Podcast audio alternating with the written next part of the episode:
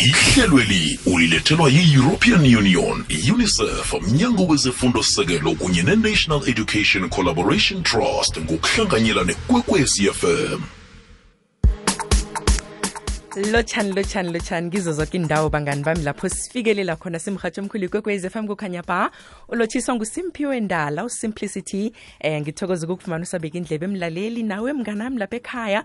Khumbuleke ukuthi silapha nje sihlangene sibangani sizokucoca sizokuba mnandi-ke kube njaya-ke um silikhona ke hlelo lethu lanamhlanje bangani esingena kilo-ke njenganjengalesi sikhathi nekulihlelo elithi zikhulumele state your mind esilethelwa ngebakwa-european union e-unicef um umnyango wezefundo osisekelo nebakwa-national education collaboration trust ekungiye kwe-enect sikhona-ke bangani bami namhlanje siphethe isicetshana sethu sanamhlanje.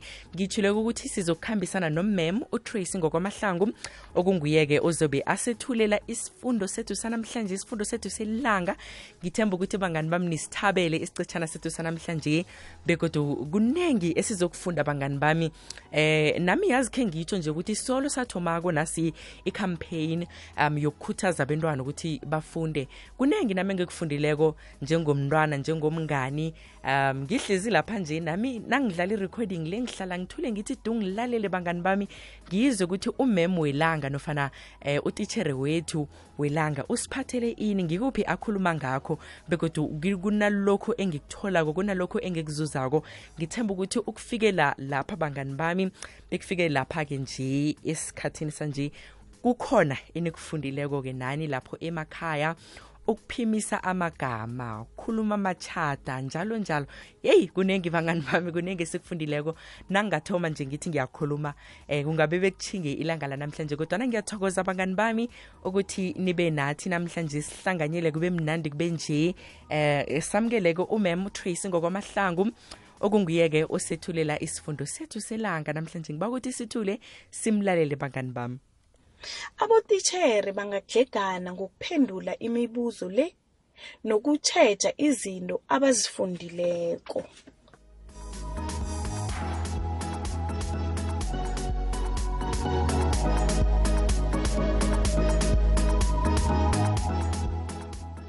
Lotshani ibizo lami ngingutracy mahlangu ongutitshere esomakata primary school esifundeni sangelimpopo. Siyanamukela esiqetshaneni sethu sanamhlanje esikarisako osilethelwe yi-european union i-unicef umnyango wefundo sekelo i-national education collaboration trust ngokuhambisana nomrhatsho ikwekwezi fm esiqetshaneni sanamhlanje ngizokukhulumisana nenkutana zethu zokufunda ngokukhanjiswa kwesiqhema sokufunda sabotitshere nesabafundi. Iinqhema zokufunda kulapho ekuphephileko lapho kunganamibandela eminingi abantu bahlangana khona ukukhulumisana nokuzwa imibono yabanye ngendatshana namkha iincwadi ebazifundileko. Lokhu kusiza ukukhuthaza bona abantu bafundele ukuzithabisa begodi kungezelele itshisakalo yokufunda.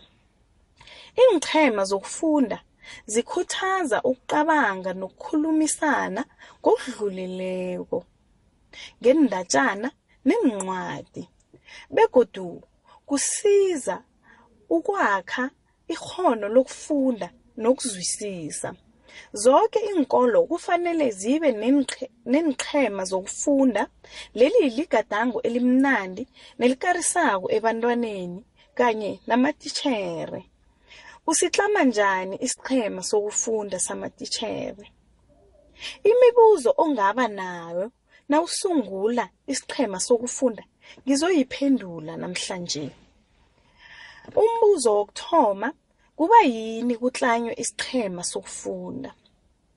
Ukuba nesiqhema sokufunda samatitshere yindlela ehle yokuthoma isiko lokufunda esikolweni.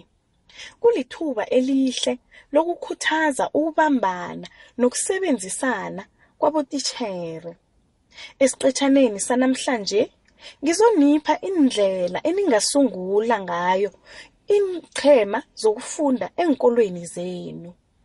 Iniqhema zokufunda zikhamba kuhle khulu lokha zidoswa phambili babantu abathanda iindatjana neencwadi. Thola utitjhere othanda iincwadi nokufunda bonyana kube nguye odosa phambili isiqhema sokufunda ngesikolweni senu. Umbuzo wesibili, bobani abangangenela isiqhema sokufunda? Mema abotitjhere kanye nabanye abasebenzi ngesikolweni bona babe yingcenye yesiqhema sokufunda sabotitjhere. Ungathoma ngokuhlela umhlangano wokuthoma lapho uzokwazisa abotitjhere bona isiqhema sokufunda sikhanjiswa njani. Ungabazisa ngokutlola isaziso usibeke ebhodini yezaziso zesikolo namkha ungafaka ku-WhatsApp group yesikolo. Khumbula ukufaka ilwazi eliqakathekileko elifana nesikhathi, indawo nelanga lomhlangano wokuthoma.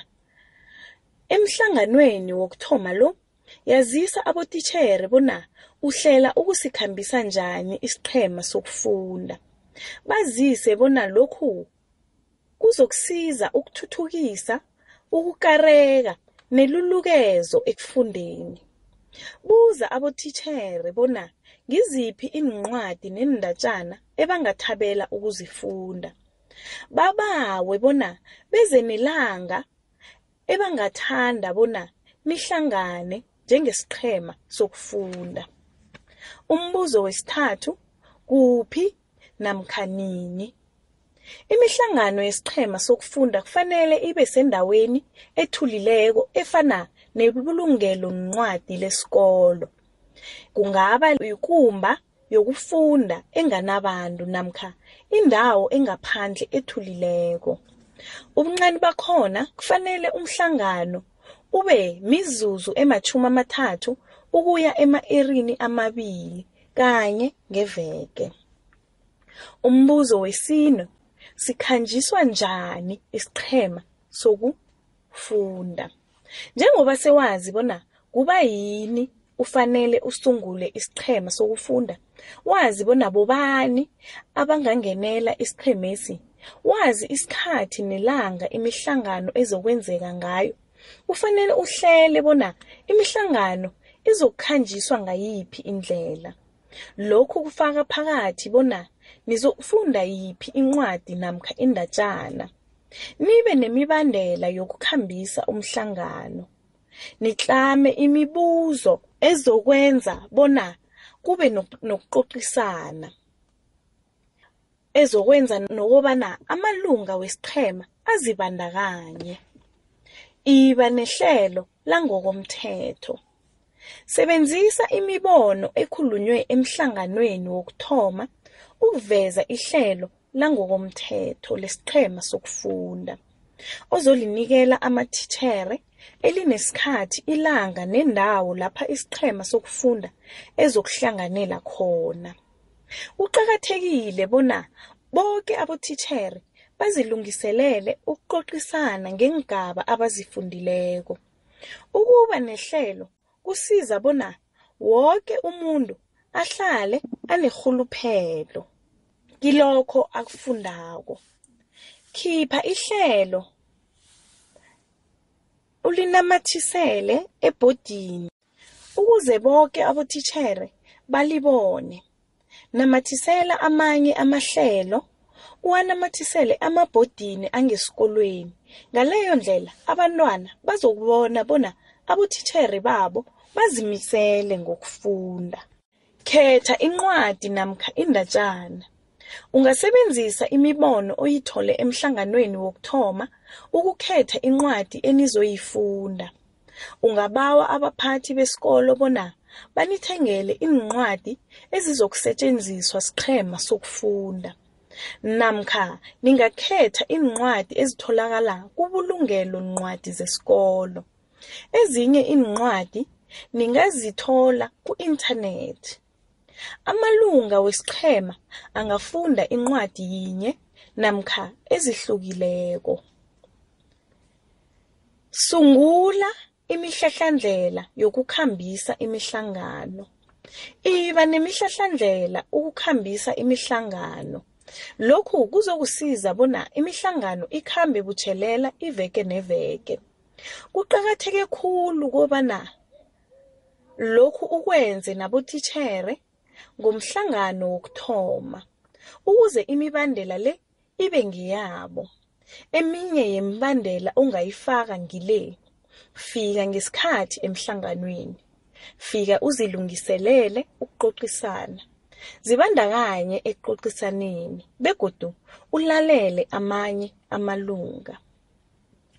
Tlama imibuzo ekarisako nekhuthaza ukucocisana. Cabanga imibuzo yokucocisana amalunga angayiphendula ngemva kokufunda indatjana namkha isigaba sencwadi. Imibuzo le izokususela encwadini ezabe niyifunda. Ungafaka phakathi imibuzo elandelako. Khuyini ukubaluleka kwesihloko sencwadi le?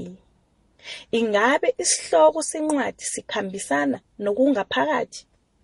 Khuyini umongondaba wencwadi le?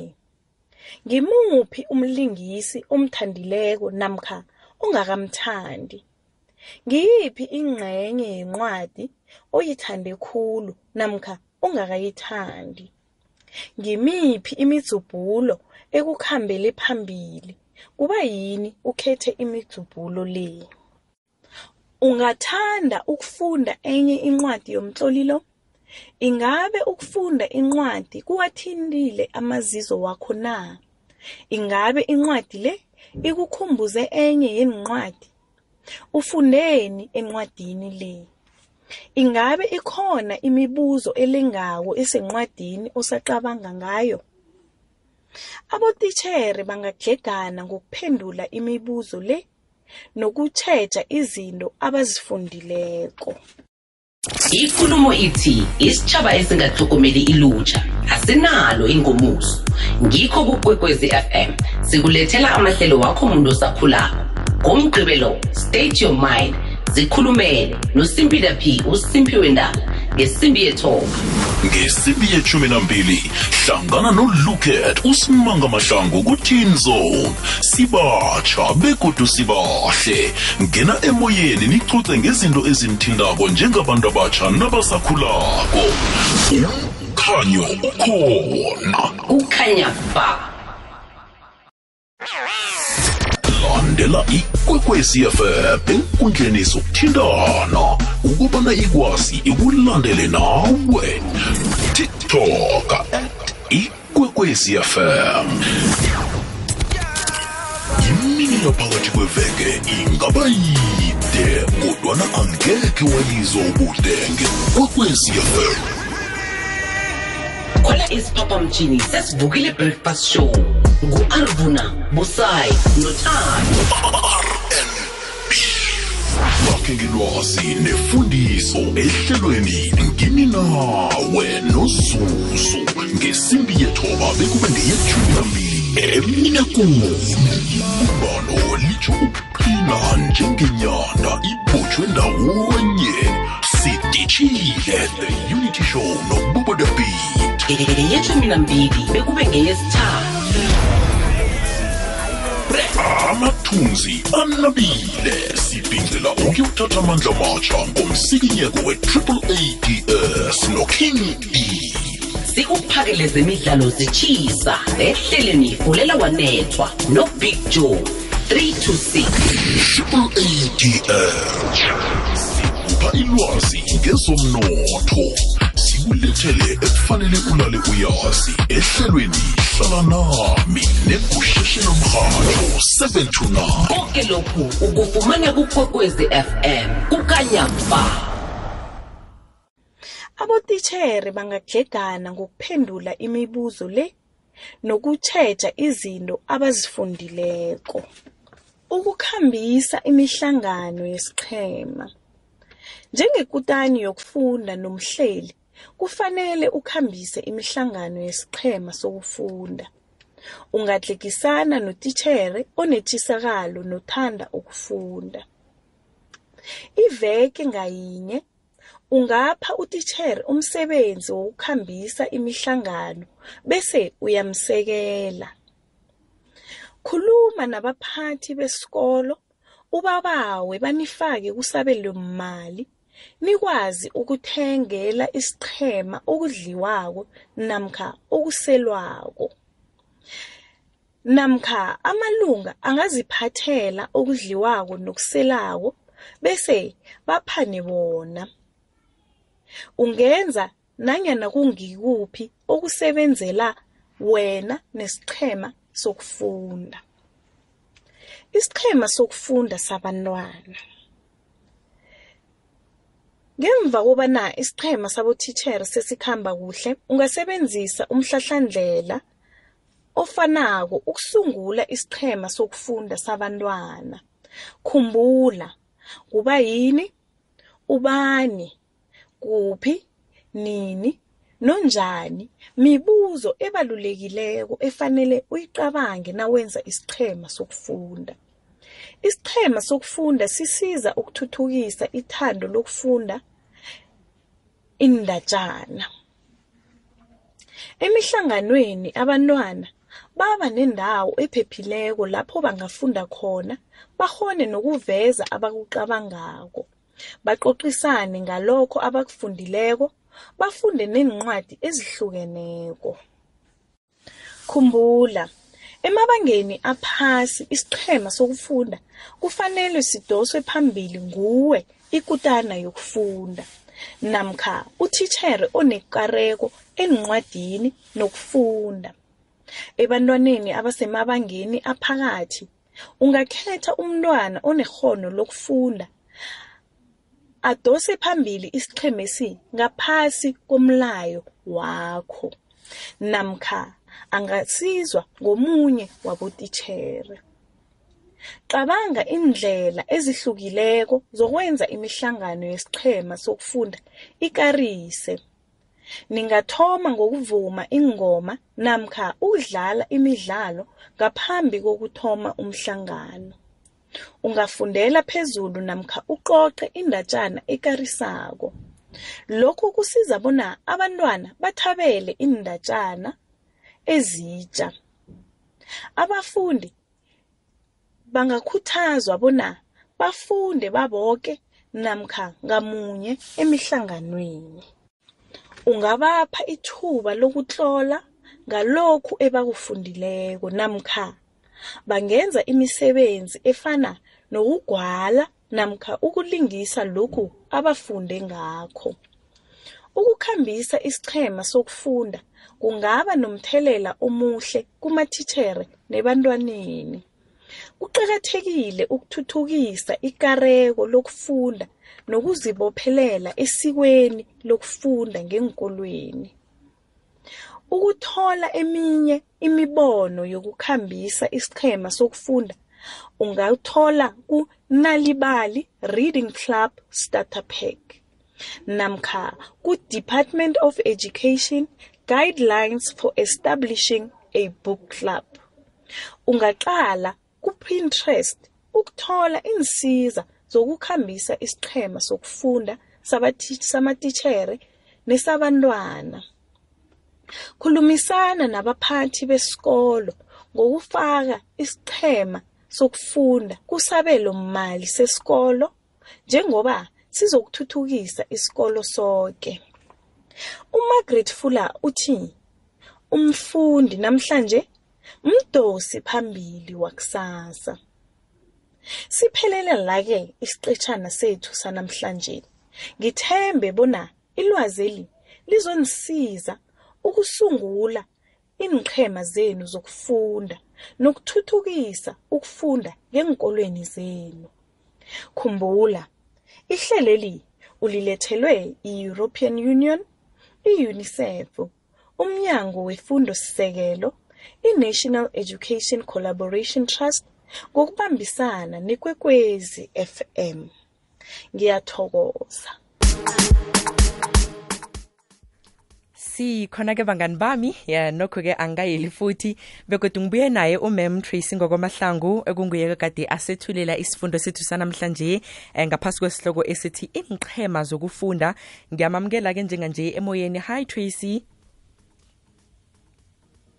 Hello? Maye mna wu tshona isikhathi nasesingiphelele kangaka. Khe silinga ukuthi simthole-ke umem wethu bese-ke siyabuya-ke bangani bami. Mem mahlangu uyangizwa na? Unjani simphiwe? Ngikhona kunjani? Ngikhona nami. Awa isikhathi asekho yazi na. Ngendlela isikhathi isikhathi sikhambile simphiwe. Ukuze bathole ilwazi elibalulekileko ngama reading clubs. Bangaya lapha kunalibali reading club starter pack namkha bangaya ku-department of education guidelines for establishing a book club. Ngiba ukuthi usitsheleke ukuthi um utitshere angenza njani esikolweni ngeklasini lakhe nakafuna ukuthoma isichema sokufunda?